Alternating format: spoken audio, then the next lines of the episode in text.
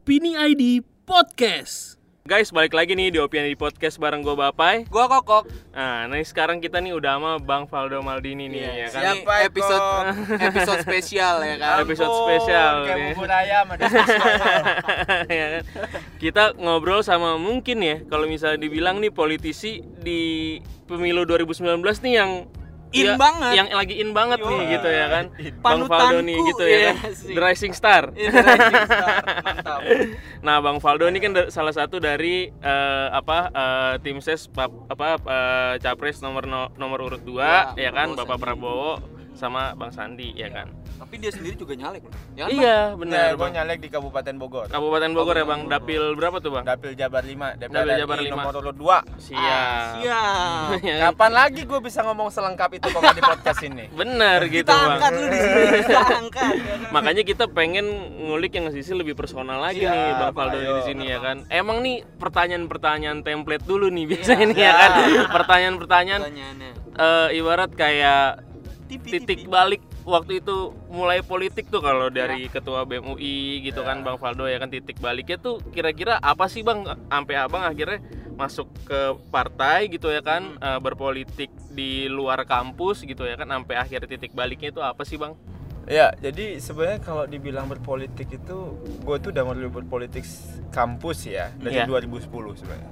Siap. Jadi Iya. dari ketua himpunan mahasiswa fisika bos. Hmm. Nah, ketika lo udah menghadapi election apa ini demokrasi ya suka nggak suka lo udah bersentuhan sih menurut gua sama politik. Ya. Jadi gua dulu jurusan fisika sekolahnya, terus kuliahnya dalam tanda maaf ya kuliahnya, terus eh, tahun 2010 itu gua mulai bertarung tuh di situ, mulai Hmm. pertarungan pertama gua dan eh, itu lanjut terus sampai kayaknya hampir tiap tahun deh gua tarung ya. Ya. 2010 itu HMD Fisika, 2011 itu BEM Fakultas MIPA, 2012 itu BEM UI, Hmm. 2013 itu Perhimpunan Pelajar Indonesia di United Kingdom, 2016 itu Iluni UI, Ya. 2018 itu gua pertarungan gua Ikatan Alumni Rumah Kepemimpinan, gila. eh, beasiswa gua. Nah jadinya kayaknya hampir tiap tahun tuh gue ikut tarung. Jadi kalau kata teman-teman gue yang di samping-samping gue, Hmm. Valdo mah kalau ada pemilihan apa gitu di pinggir jalan juga ikut dia. Oh, oke. jadinya, jadinya memang eh, memang eh, bertarung itu bukan karena gue pengen dapat kekuasaan doang sih gitu Iya. tapi gue sadar bahwa ini memang perebutan kekuasaan nah Hmm. pertanyaan selanjutnya adalah gimana lo memaksimalkan kekuasaan itu ya di satu sisi mungkin orang banyak lah terjebak sama gimmick kalau apa banyak yang melakukan ini as gimmick ya Iya. not not public participation tapi sebenarnya DNA gua tuh dari dulu adalah community organizer Oh, Oke. Nah itu DNA gue. Jadi yang kalau lo lihat beberapa track track atau history itu gue tuh sering gather orang, ngumpulin orang dan ayo kita berantemin orang-orang jahat Oke. gitu loh. Nah, Berarti passion lu sebenarnya emang itu ya making Bang ya? change. Making change ya, jadi bikin buat perubahan, ya. Jadi dalam artian eh, dari dulu tuh ya gue selalu ngelawan. Lo tau waktu gue di BEMU itu 43 kali, 42 kali setahun gue demo.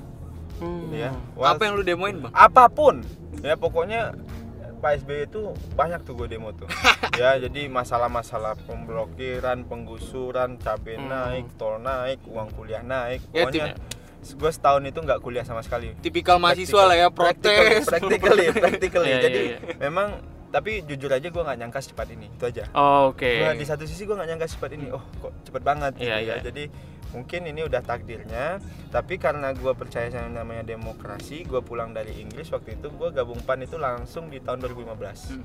karena gue percaya demokrasi dan partai sebagai institusi paling fundamental dalam demokrasi ya Hmm. konsekuensinya gue harus jadi kader parpol Betul. ya nah jadi itu jawaban template sih Nah, Siap. tapi jawaban yang ininya jawaban yang selain non template nya adalah bahwa menurut gua eh, suka nggak suka ini adalah battlefield yang semua orang itu bisa masukin Iya. Betul. nah jadi sel- lo nggak bisa ini ya lo nggak bisa eh, bilang bahwa ya karena gue percaya demokrasi gue pengen independen ini itu menurut gue itu nggak sejalan sama pikiran Iya, demokrasi jadi Tapi, Bang, gue pengen nanya dah, lu emang berkarir politik di kampus tuh seberpengaruh itu ya sama kehidupan berpolitik yang beneran lebih luasnya? Iya, gue nggak tahu sih karena gue kuliah S1 itu lima tahun dan gue rasa gue serius sekolah itu kayaknya pas masuk sama pas mau keluar.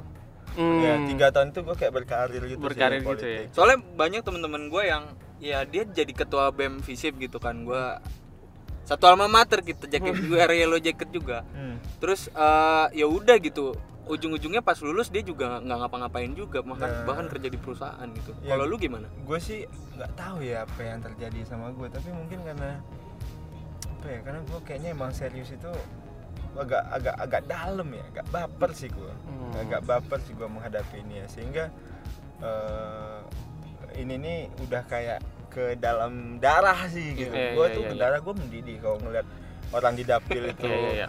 kena nyek gitu gara-gara beberapa masalah Iya, itu iya, gua iya. dan jujur aja nih itu berdampak ke fisik gua sendiri bos dalam artian gua nyalek ini gua udah turun 7 kilo pak karena kepikiran Hmm. kepikiran bos kepikiran Iya, iya, iya, bapak tadi gimana solusinya walaupun gua nggak ada Iya, duit iya, iya, iya. Betul, betul, untuk betul. menyelesaikannya ya jadi dalam artian nggak tahu ya mungkin itu udah Ada ikatan emosional gitu kayaknya bang ya? udah passion ya Iya. passion terus tiap orang itu menurut gua punya calling pak dalam Iya. artian ada orang yang mungkin callingnya ke perusahaan Iya. kita nggak bisa nyalain itu Iya. gitu kan mungkin calling gua adalah ke daerah ini walaupun konsekuensinya gua harus siap terima Iya. dalam artian ya gue punya istri gue punya anak gue punya keluarga kan nah itu ada Iya. spektrum sendiri Iya, yang jangan betul. sampai ketika gue ngomongin rakyat rakyat rakyat susu anak gue nggak kebeli kan Iya. susah gue Iya, ngapain iya. kayak gitu makanya gue milih bisnis Oh, Oke, Ya, jadi makanya- biar seimbang iya makanya gue karena gini banyak eh, judgement yang diterima ah paling idealisnya pas kuliah ya. setelah kuliah paling enggak jadi menurut gue sih mumpung kita bisa milih kerjaan nih buat teman-teman yang lain ya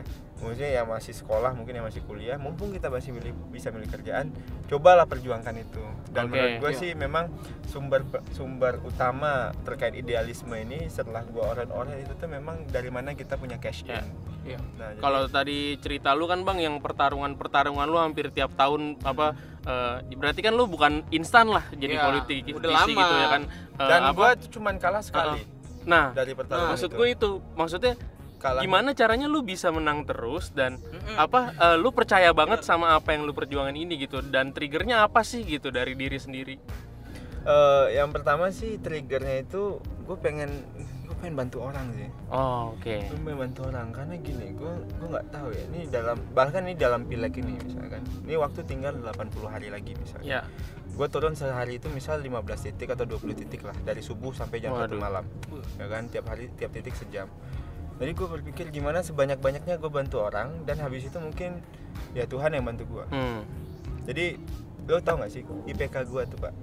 Lulus S1 itu cuma 3,03 Hmm. tipis banget di atas 3 Ya. gua lulus itu dengan kondisi gua udah apa namanya di satu sisi akademik tuh dulu di awal gua kuliah tuh IPK gua bagus bos bagus Oh. banget gua pengen jadi dosen apa Iya, itu iya, pokoknya iya. gua serius banget kuliah ya tapi bukan berarti ya memang keterbatasan cara gua berpikir atau kemampuan akademis gua ya sehingga eh, ada dampaknya tapi 3,03 gua keterima di Imperial Hmm. top 5 kampus di dunia Ya. jadi ada blessing blessing yang mungkin yang gue dapetin sekarang itu mungkin karena ya itu oh ini kayaknya udah Ya, jalan gua kayak gini Eh, nih ya, gitu ya. mungkin faktornya tuh lu nggak cuman kuliah doang ya bisa Ya, lu dapet gua- si imperial itu ya gue sampai udah selfless sih sekarang hidup gue Hmm.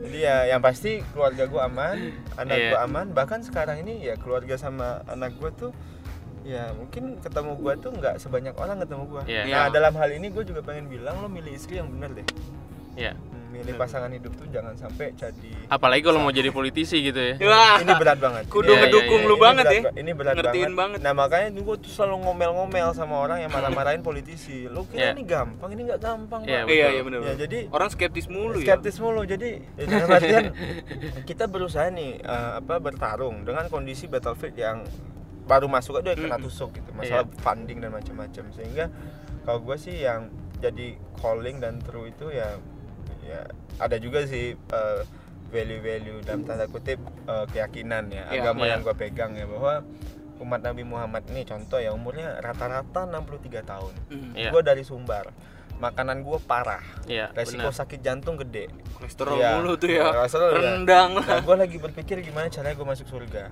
Hmm. mungkin lewat politik Oh, bikin peraturan oke. yang bagus bikin Oke, ini oke, bikin ini oke, bikin ini makanya gue juga ya ini bukan kerja gue buat gue sih Iya, iya. Iya. kalau gue pengen kaya pak gue nggak di sini pak Betul. ya gaji eh, DPR 60 juta itu sekali transaksi gue Betul. bisnis Sekali kalau udah ada pengusaha- ya, ngomong punya pabrik kan sekarang Bang iya, Waldo ya? jadi dalam artian sekarang sih udah resign dari semuanya Udah semuanya? gue pokoknya Oh. pas ke politik Fokus. ini gue pengen fokus gue udah resign dari beberapa perusahaan-perusahaan yang gue apa paling ya ya gue ambil perusahaan-perusahaan kecil aja lah emang Iya. yang kayak Iya. beberapa tempat makan klinik dan macam-macam intinya Oh, sih oke. emang dalam artian itu yang bisa menopang operation di rumah dan macam-macam Iya. Ya, eh bang ngomongin soal pendamping hidup nih ya kan, lu pernah lu kan profesi lu kan sibuk banget nih, lu sibuk di dapil udah berapa bulan? Tiga bulan lah ya, tiga bulan lebih. Terus di situ kan pasangan hidup penting banget tuh. Penting Di mana lu pernah nggak ngerasain pengalaman yang lu dalam titik terendah lu ntar lu lagi kesel banget Hmm. pulang terus sampai terus istri lu jadi pendukung lu gitu. Coba Justru ceritain seba- ada nggak kasus ada kayak gitu? kejadiannya gini waktu gua gua tuh sebenarnya mulai politik itu nggak sekarang dari Hmm. tahun lalu Tahun lalu. 2017 pengen jadi wali kota Padang lu bisa tracking di Google Ya, Valdo ya, ya, Maldini wali kota Padang itu gua mulai di tahun 2017 Hmm. setengah lah gua mulai berpikir untuk ke politik itu gua juga udah bisnis 2 tahun rasanya cukup Hmm. terus habis itu gue pengen step down gue mulai politik uh gue tarung habis-habisan di situ Hmm. gue tarungin untuk dapat rekomendasi dari pan Iya. ya gue res gua resign dari semua bisnis Hmm. dari lu udah, tahu dan Iya. gue ketika resign nggak bawa uang satu rupiah Nah pun itu sih. banyak banget yang dikorbanin Iya, sih. nggak bawa nggak bawa uang spesial pun aset nggak ada yang gue bawa lah intinya buat Iya. Bisnis lah ya biar orang tetap jalan gitu dalam artian gue juga pengen kayak kesatria gitu loh Hmm. Ya, this is my choice jadi ya ya udahlah itu kondisinya tuh pas kita dan akhirnya gue nggak dapat rekomendasi untuk Hmm. jadi wali kota Hmm. atau bahkan wakil wali kota Padang karena biayanya gede banget. Ada sekitar puluhan miliar lah untuk dapat rekomendasi itu di beberapa partai politik ya dan itu eh, apa namanya ada orang pan yang lain yang sanggup memenuhi itu ke partai lain Iya. ya gue buka-bukaan aja ya Iya iya iya. Ya, jadi ya itu fakta yang harus gue terima kan. Nah pas gitu balik ke Jakarta itu di Padang kejadiannya gue udah nggak ada duit nih. Habis habis total, Iya. habis total tuh Januari Februari 2018 lah ya. Sampai gue sampai gue kepikiran gue mau narik gokar gue kepikiran mau apa. Sampai kayak gitu lu. ya sampai gue kepikiran gue nggak ada duit. Gue Iya, nggak iya, ada iya. duit pak ada gitu duit, kan. dan istri gue transferin gue 500 ribu. Waktu itu 500 ribu tuh rasanya gue dapat duit 500 juta lah. Ya.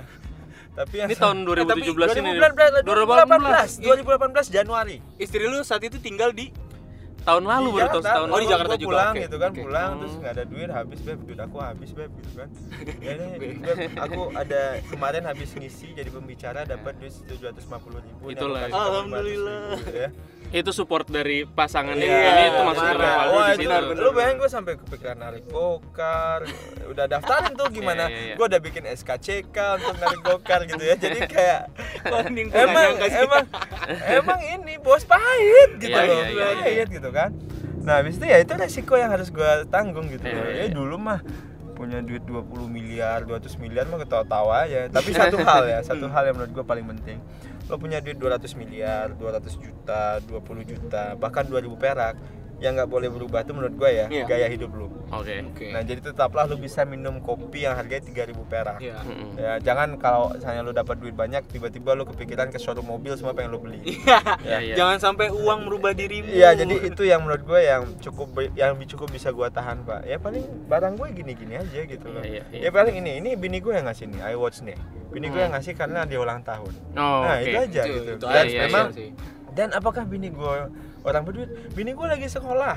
Oh. Nah, bini gue lagi sekolah kedokteran, Mhm. lagi spesialis, ya. Iya, dan iya. memang nggak dibilang nggak berduit nggak juga tapi ya kita bukan dari keluarga berada maksud gue Iya. nyokap bokap bini gue itu ya sederhana Iya. udah retire udah pensiun bokap gue di kampung apa dalam artian punya usahanya rental mobil mak gue Hmm. pegawai swasta lo bayangin men dengan Iya, kondisi iya. kayak gitu gue harus Iya. bertarung ya Ini ngelawan gajah-gajah itu loh Ini buat inspirasi buat anak-anak muda yang Iya. mungkin udah ada di politik kampus. Iya, iya, yang iya. mungkin ini cerita Bang Faldo yang kayak gini nih Iya, harus inspiratif. didengar gitu. Ya kalau gue pragmatis ya banyak banget Iya. banyak banget bos eh, offering ketika gue resign, ketika mereka tahu gue nggak jadi turn into politik ya. Mhm. Wah ada yang tawaran tuh dari UK, dari US, Ah, ya. dari banyak nah. Itu kerja tuh. Off, nggak kerja bos, jadi bos. Jadi bos. Nah, jadi bos dengan offering gaji puluhan ribu dolar masing-masing Iya. ya. Karena mungkin eh, dia ngelihat portofolio bisnis gue tuh ada lumayan ya. Gue sempat di beberapa BUMN Iya. dan di beberapa swasta. Dalam waktu 2 tahun gue bisa megang beberapa line bisnis. Dalam artian ini mungkin gara-gara BEM ya. Karena waktu di BEM itu gue bisa ngerjain banyak hal dalam Hmm. satu Iya, waktu. benar. Jadi cukup terlatih. Multitasking ya, Bang. Iya, ya? cukup Multitasking terlatih, banget. cukup terlatih problem solving. Jadinya mungkin itu bos yang bikin gua tuh agak serius tuh karena gue serius ngebem itu. Iya, iya, gue iya. serius. Serius ngebem, Serius kuliah juga ngebem, serius. Serius juga kuliah dan ngebemnya 70% ya? Iya tapi walaupun sekarang sih gue tetap eh, megang ilmu-ilmu fisika gue dan macam-macam. Lo tanya gue teori-teori fisika, insya Allah gue bisa jawab gitu. Tapi dalam yang yang artian ini nggak gampang sih. Gue udah pernah ngerasain apa tuh yang yang lima ratus ribu itulah kejadian itu tuh gue nangis men dapat transfer lima ratus ribu itu semua Iya. gue apain ini duit ya gitu kan. Nah akhirnya mulai gua audit lagi semua yang ada gue punya gitu kan kita ada kita bahkan ada aset kita yang mandek itu gue sempat berusaha nge KPR rumah nih ya Mm. Ya rumah aja masih KPR ya gue lagi D- DP ya. Itu DP nya stop men. Gue udah bayar sebagian gue nggak tahu tuh duit gue tuh di mana tuh. Tuh udah ratusan juta tuh Oh. nah kalau gue cek mungkin rumahnya tuh mungkin udah jadi milik orang padahal gue nge DP-in Oh. nah jadi gara-gara kere banget nih jadinya ya sudahlah gitu mungkin ya itu resiko lah butuh crowdfunding apa Enggak, enggak, enggak, enggak, enggak. Dalam artian, dalam artian gini, gue nggak pengen ini juga nggak pengen bilang tolong kasihani saya, tapi Enggak. itu realita yang harus dihadapi politisi. Benar-benar. Ya, Jadi, jadi, lu pilih- jangan ngata-ngatain politisi, ya, jangan ya, ini ngata-ngatain gitu. monggo ya, tapi pilihan ini bukan pilihan yang mudah sih, bos. Iya. Pilihan yang mudah. Makanya berkali-kali gue ngomongin dana politik tuh lu gedek banget tuh yang Iya, bilang iya. Rupiah tuh gue gedek banget. ya lu jangan tipu-tipu gua gitu loh iya, ya. iya, iya. Lu tipu-tipu gua deh gitu. Lu mikirin lu mau ngundang orang, orang lo suruh dengerin lo pidato, kalau kasih makan, nah, lu nggak nggak nggak manusia sih menurut gua. Iya, kira-kira gitu. Jadi dalam artian eh gue sih pengen sangat terbuka ya mas ya. Bos Iya. ya. Dalam artian teman-teman yang lain mohon maaf ya tapi Hmm. gue jadi curhat tapi ya ya itulah mungkin Iya. sisi 500 Justru ribu itu, tuh Bang. eksklusif di sini Eh, loh itu. gue belum pernah dengar Iya, makanya ngomongin ini, ini ini nih yang buat bisa anak-anak muda tuh inspirasinya oh ini iya. ini se- sedalam ini loh Berpolitik. gitu berpolitik tuh gitu ya kan. nggak cuma ngerebut mudah, kekuasaan di Karena kan selama ini kita dengar dari yang apa eh, yang masih jauh lah gitu ya kan. Kalau Bang Faldo kan baru berapa tahun ke belakang masih di kampus gitu ya kan. Iya. Masih relate sama lu, eh, pada masih gitu. masih relate gitu ya mungkin kan. mungkin setahun lalu ngeliat gue sebagai apa orang yang apa uh, lulusan luar negeri Iya. terus aktif di BEM nah Iya. sekarang udah jadi beda lagi nih pakaiannya jubir Prabowo Iya, iya. macam-macam dah gitu Padahal tetap orang yang sama juga ya Bang ya kemarin. Gua- Ya kalau di TV udah berubah tuh namanya. iya Valdo Maldini bukan lagi uh, founder pulang kampung gitu. Iya, pulang lagi, kampung ya. eh, yang Padang. tapi satu hal sih bos yang gue seneng di politik ini gue belajar dalam artian mungkin orang yang ngeliat Valdo dulu sama Valdo sekarang mungkin ada ngerasa perbedaan oh Valdo udah bisa ngomong guidance Valdo Oke. udah bisa Hai. ya jadi jadi emang gue harus Iya. baca buku Dari Iya. orang fisika bisa ngomong Iya. guidance ya. jadi ya makanya Budiman gue skak main Iya, iya, iya, Enak siap, siap. aja ente.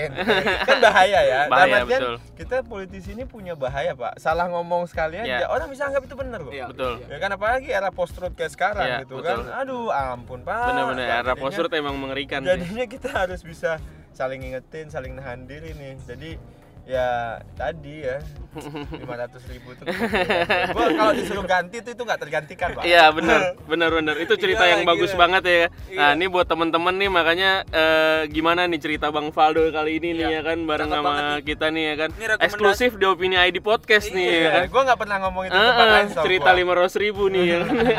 ya kan. Semoga bisa menginspirasi anak-anak ya kan. Ya. Terima kasih eh, Bang Faldo atas waktunya Makasih, makasih udah udah mau mau di dengerin Opini ya. Ja, Podcast ya kan. pesan kita, lu mau pesen nggak bang? Ya. Ke anak-anak muda soal politik ya kan? Ya. Atau yang pengen berpolitik praktis buat Betul. anak-anak muda gitu. Kalau Ada nggak nih, Bang? Kalau menurut gue sih eh, pilihan ini semua pilihan hidup lu punya konsekuensi. Mm-mm. Ketika lu milih masuk jadi apa eh, profesional, mau jadi eh, wira, wira swasta, mau jadi politisi, mau jadi ustadz, mau jadi akademisi, mau jadi pengangguran, itu ada konsekuensinya Betul. semua. Gue sih menganggap politisi ini hanya bagian dari beberapa opsi-opsi kerja setelah lu lulus. Ya. Jadi ya sekarang yang paling penting lo tuh tahu lo lagi ngapain, Mhm. lo tahu lo mau ngapain, lo tahu resiko dari semua opsi-opsi itu. Iya benar. Dan jangan sampai lo lebih banyak menyesali, comparing, Iya. ya dan lo nggak ngapa-ngapain, Iya. iya nggak Iya. ngapa-ngapain. Pokoknya jalanin hidup sesuai apa yang lo yakini, calling lo aja. Iya. Oke. Calling gua politician sekarang Iya. dan sepertinya akan selalu menjadi politician karena uh, apa namanya gue juga nggak mau bilang bahwa gue nggak bisa bisnis atau apa tapi yang paling penting sekarang gue pengen nolong orang dan gue rasa ini jalan paling efektif untuk nolong orang yaitu jadi politisi Oke. Okay. Iya benar. Penutup yang sangat bagus dari Bang Faldo, teman-teman. Gitu aja opini di podcast kali ini ya. Uh, bareng gua, Kokok dan Bang Faldo, Thank ya kan? Uh, ya. Gitu aja. Dadah. Dadah.